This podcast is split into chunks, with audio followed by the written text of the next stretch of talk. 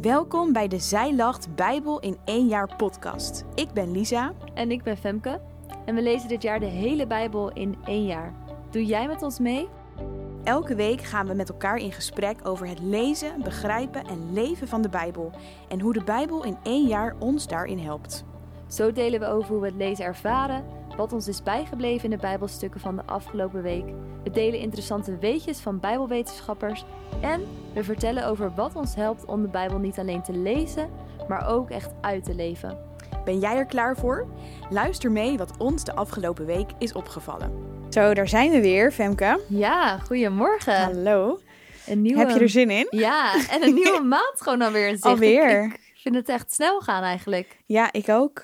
Hou je het nog een beetje vol het lezen? Ja, het gaat goed. Ik ehm, ja, moet wel weer gewoon even die, eh, gewoon de discipline soms ook houden. Maar ik denk dat het ook gewoon goed is. Dat het soms ook al uh, voel je het niet dat je dan alsnog even gewoon gaat lezen. Mhm. Dus ehm, dat was deze week soms. Maar dat is denk ik ook, eh, daar, ik denk dat iedereen er soms wel eens last van heeft. Mhm. En hoe, hoe is het bij jou gegaan? Ja, ook nog steeds goed, moet ik zeggen. Het gaat nog steeds prima. Nou, fijn. Ik heb gewoon lekker mijn routine dat ik het in de ochtend doe. Mhm. In principe uitzonderingen daar gelaten. Maar in de ochtend vind ik het toch eigenlijk wel het ja. fijnst. Ja, Gewoon lekker met eh, mijn ontbijtje erbij. En eh, wat ik ook gewoon doe, is dat ik mijn telefoon, die laten we sowieso altijd beneden op. Dus niet in de slaapkamer. En dan. Mhm. eh, sorry. maakt niet uit. Mijn telefoon die laat ik altijd beneden op, niet in de slaapkamer. En ehm, nou ja, als ik dan gewoon beneden ben, dan ga ik gewoon eerst even lezen. En pas daarna dan ontgrendel ik mijn telefoon. Ja, super dat helpt slim. wel. Heb je zo min mogelijk afleidingen? Ja, en gewoon Ja. ook echt wel lekker om de dag zo te beginnen. Gewoon met God en eh, Ja. met de Bijbel.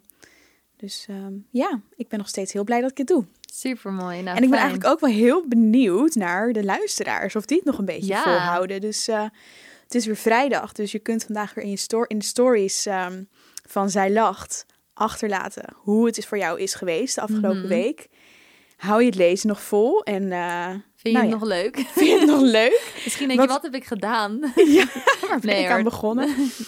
ja, dus eh, heel benieuwd. Laat het weten. Ja, zeker. Hey, wat hebben we gelezen deze week? Nou, we lazen verder in Marcus. Eh, nee, wacht even. We lazen trouwens eerst nog hoe Bezaleel de tabernakel maakte volgens al die instructies die we in de week hiervoor Mhm. hebben gelezen. Hoe er uiteindelijk een berekening werd gemaakt over de priesterkleding en tot slot hoe de tabernakel werd gebouwd en ingericht. De bouw was voltooid. En toen werd de tabernakel gevuld door de majesteit van de Heer.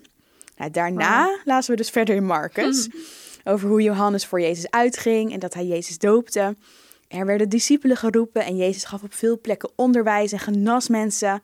We lazen ook hoe zijn gezag werd betwist. Nou, toen werden twaalf leer- leerlingen aangesteld als apostel. We lazen gelijkenissen over het koninkrijk van God. We lazen diverse keren over geloof en ongeloof, over de uitzending van de twaalf, de dood van Johannes en de tekenen van de broden. We volgden Jezus en zijn leerlingen langs verschillende plekken waar zij kwamen en waar Jezus onderricht gaf. Mozes en Elia verschenen op de berg en we lazen over diverse twistgesprekken met fariseeën, hoge priesters, schriftgeleerden, Herodianen, Sadduceeën en oudsten. En tot slot lazen we over de intocht in Jeruzalem. Nou, we lazen ook nog wat psalmen.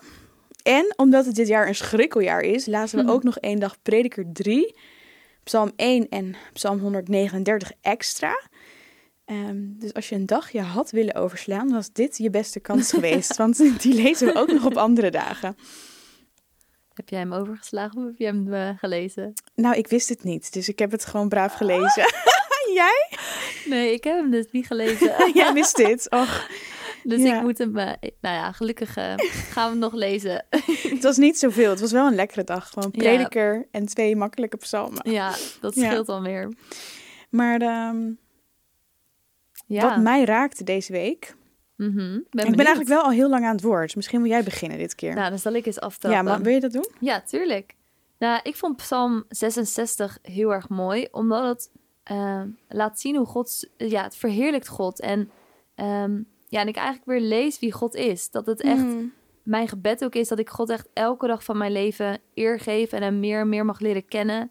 En zo elke dag weer ja, verwonderd raak van wie hij is. En ik vond het echt wel een, ja, net zoals ik vorige week volgens mij ook zei, echt zo'n mooie reminder voor mezelf om te herinneren wie God is en hem daar ook echt eer voor te geven. Dus voor wat hij doet, dat ik dus ja, elke dag weer verse adem heb in mijn longen en dat ik zijn daden erken.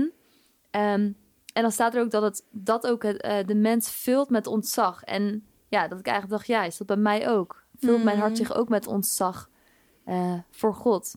Hmm. Dus uh, ja, dat was voor mij echt wel uh, ja, hetgeen wat ik, wat ik heel mooi vond. Mooi. Ik ben dan wel heel benieuwd wat het antwoord van jou is op die laatste vraag. Maar misschien komen we daar zo meteen even op ja, bij de Bijbelleven. nou, wat mij um, het meeste raakte was het gedeelte uit Marcus 8 vanaf vers 27. Als Jezus aan zijn leerlingen vraagt wie zij zeggen wie hij is. Hmm. Nou, ik vond dat sowieso gewoon weer een mooie reminder voor mezelf van ja, wie is Jezus ook weer echt voor mij? Maar dan daarna, dan uh, zegt hij dus, wie achter mij aan wil komen, moet zichzelf verloochenen, zijn kruis op zich nemen en mij volgen. Want ieder die zijn leven wil behouden, zal het verliezen. Maar wie zijn leven verliest, omwille van mij in het evangelie, zal het behouden. Hmm. En ik, vond, ja, ik vind dat sowieso altijd wel een heel confronterende tekst. En hij raakte me nu ook wel echt opnieuw weer. Want ja, je kruis op je nemen, dat betekent gewoon de dood tegemoet. En de kruisiging tegemoet. Bespot en uitgelachen worden door je omgeving. En hmm. nou ja, uiteindelijk wil niemand dat natuurlijk, uh, lijkt mij. Maar toch staat het dan hier en uh, dat trof mij wel.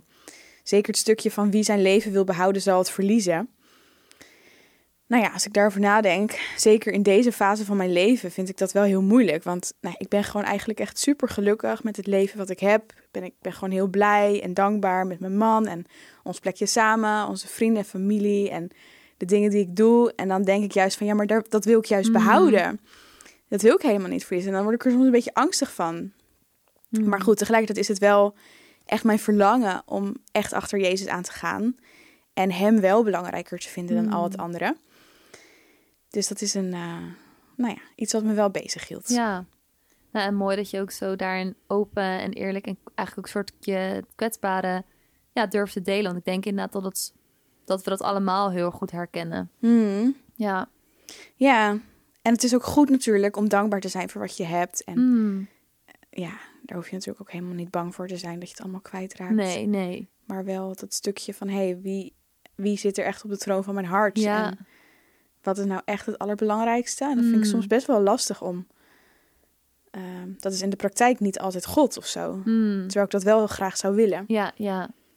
Ja. snap ik. Ja, en dan uh, de Bijbel begrijpen. We hebben weer een heel um, ja, mooi weetje eigenlijk. Een Bijbelweetje van onze Bijbelwetenschapper uh, Annemarijke School. En uh, zij schrijft dit keer... Weet je nog dat Mozes 40 dagen op de berg Sinaï verbleef, in een wolk, dicht bij God? Later trekt het volk 40 dagen door de woestijn. En Jezus die blijft ook weer 40 dagen in de woestijn. En minder bekend is misschien dat Goliath, het leger van Saul, 40 dagen lang uitdacht, uitdaagt voordat David hem uiteindelijk doodt. Dat de mens in Nineveh ook 40 dagen de tijd krijgt om hun gedrag te veranderen en dat drie van de belangrijkste koningen van Israël en Juda allemaal 40 jaar geregeerd hebben. Als je goed kijkt kun je zien dat het getal 40 een speciale betekenis heeft in de Bijbel. In alle bovengenoemde verhalen wordt de periode van 40 dagen of jaren gebruikt voor inkeer of voorbereiding. Mensen bereiden zich er, er ergens op voor, zoals het volk van Israël dat opnieuw mag beginnen in Canaan na de slavernij. Maar ook de inwoners van Nineveh zorgen ervoor dat ze anders gaan leven, zodat God terugkomt op zijn plan. En de regeringsperiodes van koning David, Salomo en Joas brachten veel goeds voor Israël. 40 staat in al deze verhalen dus voor een bijzondere periode waarin ruimte wordt gemaakt voor iets nieuws. Als Jezus 40 dagen vast in de woestijn, vast in de woestijn, sorry, als Jezus 40 dagen vast in de woestijn, bereidt hij zich ook voor. Binnenkort begint zijn openbare optreden. Hier komt onze 40 dagen tijd vandaan. Zoals Jezus zich voorbereidde op alles wat hij zou gaan doen, zo kunnen wij ons voorbereiden op het lijden van Jezus, op zijn dood en zijn opstanding. We kunnen stilstaan bij het lijden van Jezus, maar ook bij het lijden van mensen om ons heen, dichtbij en ver weg. Wow, best wel weer echt zo'n inkijkje, hè? vind je niet? Ja, echt wel. Ja, ik wist wel dat 40 uh, een uh, soort belangrijk getal was in de Bijbel, maar Mhm. niet dat dat dan ook echt uh, specifiek altijd, wat was het nou ook weer, hoe zei je het, aan inkeer en... Ja, en het, dat ze zich uh, ergens op Oh voorbereiden. ja, voorbereiding. Ja, dat wist ik niet. Dat vind ik wel heel interessant om te weten. Ja, supermooi. Daar, dat vind ik ook zo mooi aan God ook zo. Hoe, nou ja, waar we het eigenlijk volgens mij zelfs aan onze eerste podcast ooit een keer hadden van... dat God heel specifiek is. Dat zelfs hierin, ja, God zo specifiek zeg maar... weer dat getal 40 eigenlijk in heel veel belangrijke gebeurtenissen terug laat komen. Hmm.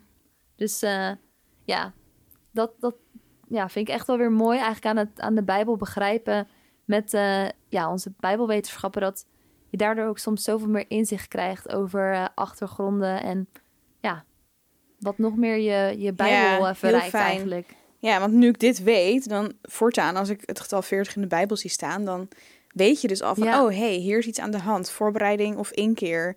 En dan lees je het denk ik toch met een Ja. andere bril. Ja, Dus dat soort weetjes zijn echt fijn om, om te weten. Ja, mooi om dus ook misschien zelfs met andere eh, getallen of dat soort cijfers, weet je, dat je daar ook Hmm. nog soms misschien net voor jezelf even dat stapje extra doet van hé, hey, ik zie hier nu al een paar keer het getal 7, ik noem maar iets. Of dat je Ja. dan ook daar, eh, daar Ja. een keertje een soort mini eh, bijbelonderzoekje kan doen. Kijk. Ja. En bijbel leven. Ja, nou ik vond het dus, zoals ik net al zei, best wel lastig om dat stuk uit Marcus 8 eh, Mhm. echt te leven. Maar het heeft me wel echt veel bezig gehouden. En eh, het vormde ook wel mijn gebed de afgelopen dagen om dat ook weer aan God terug te geven. Hij kent mijn hart. Hmm. Hij weet wat er speelt, wat ik hier lastig aan vind. En tegelijkertijd merkte ik dus ook een hele dankbare houding bij mezelf. Mm. En kon ik hem ook gewoon echt veel, veel danken voor alles wat ik van hem gekregen heb en waar ik zo blij mee ben. Ja, dus, eh, super mooi. Ja, Ja, en ik had ook echt wel dat ik merkte dat ik soms vergeet of het voor lief heb, maar alles wat ik heb en wie ik ben, dat dat echt ook ja, uit genade is, ook van God. En dat ik dat ik echt wel meer wil beseffen. Dus niet alleen iets wat ik hierdoor meer ben gaan doen, maar dat is ook echt mijn gebed, denk ik, geworden. Voor, ja, voor elke dag dat ik mijn hart, ja, wat ik net zei, dat ik het laat vullen met ontzag voor God, in plaats van het van mezelf te verwachten of van nou, dat heb ik gedaan. Of nou, ik eh, leef goed. Maar echt van, ja, dat, dat het echt een uitgenade is waar, eh, waar ik leef. En dat ik dat ook echt, ja, dat daar mijn hart vol met Mhm. ontzag eh, wordt gevuld. Dus om antwoord te geven op je vraag of dat is.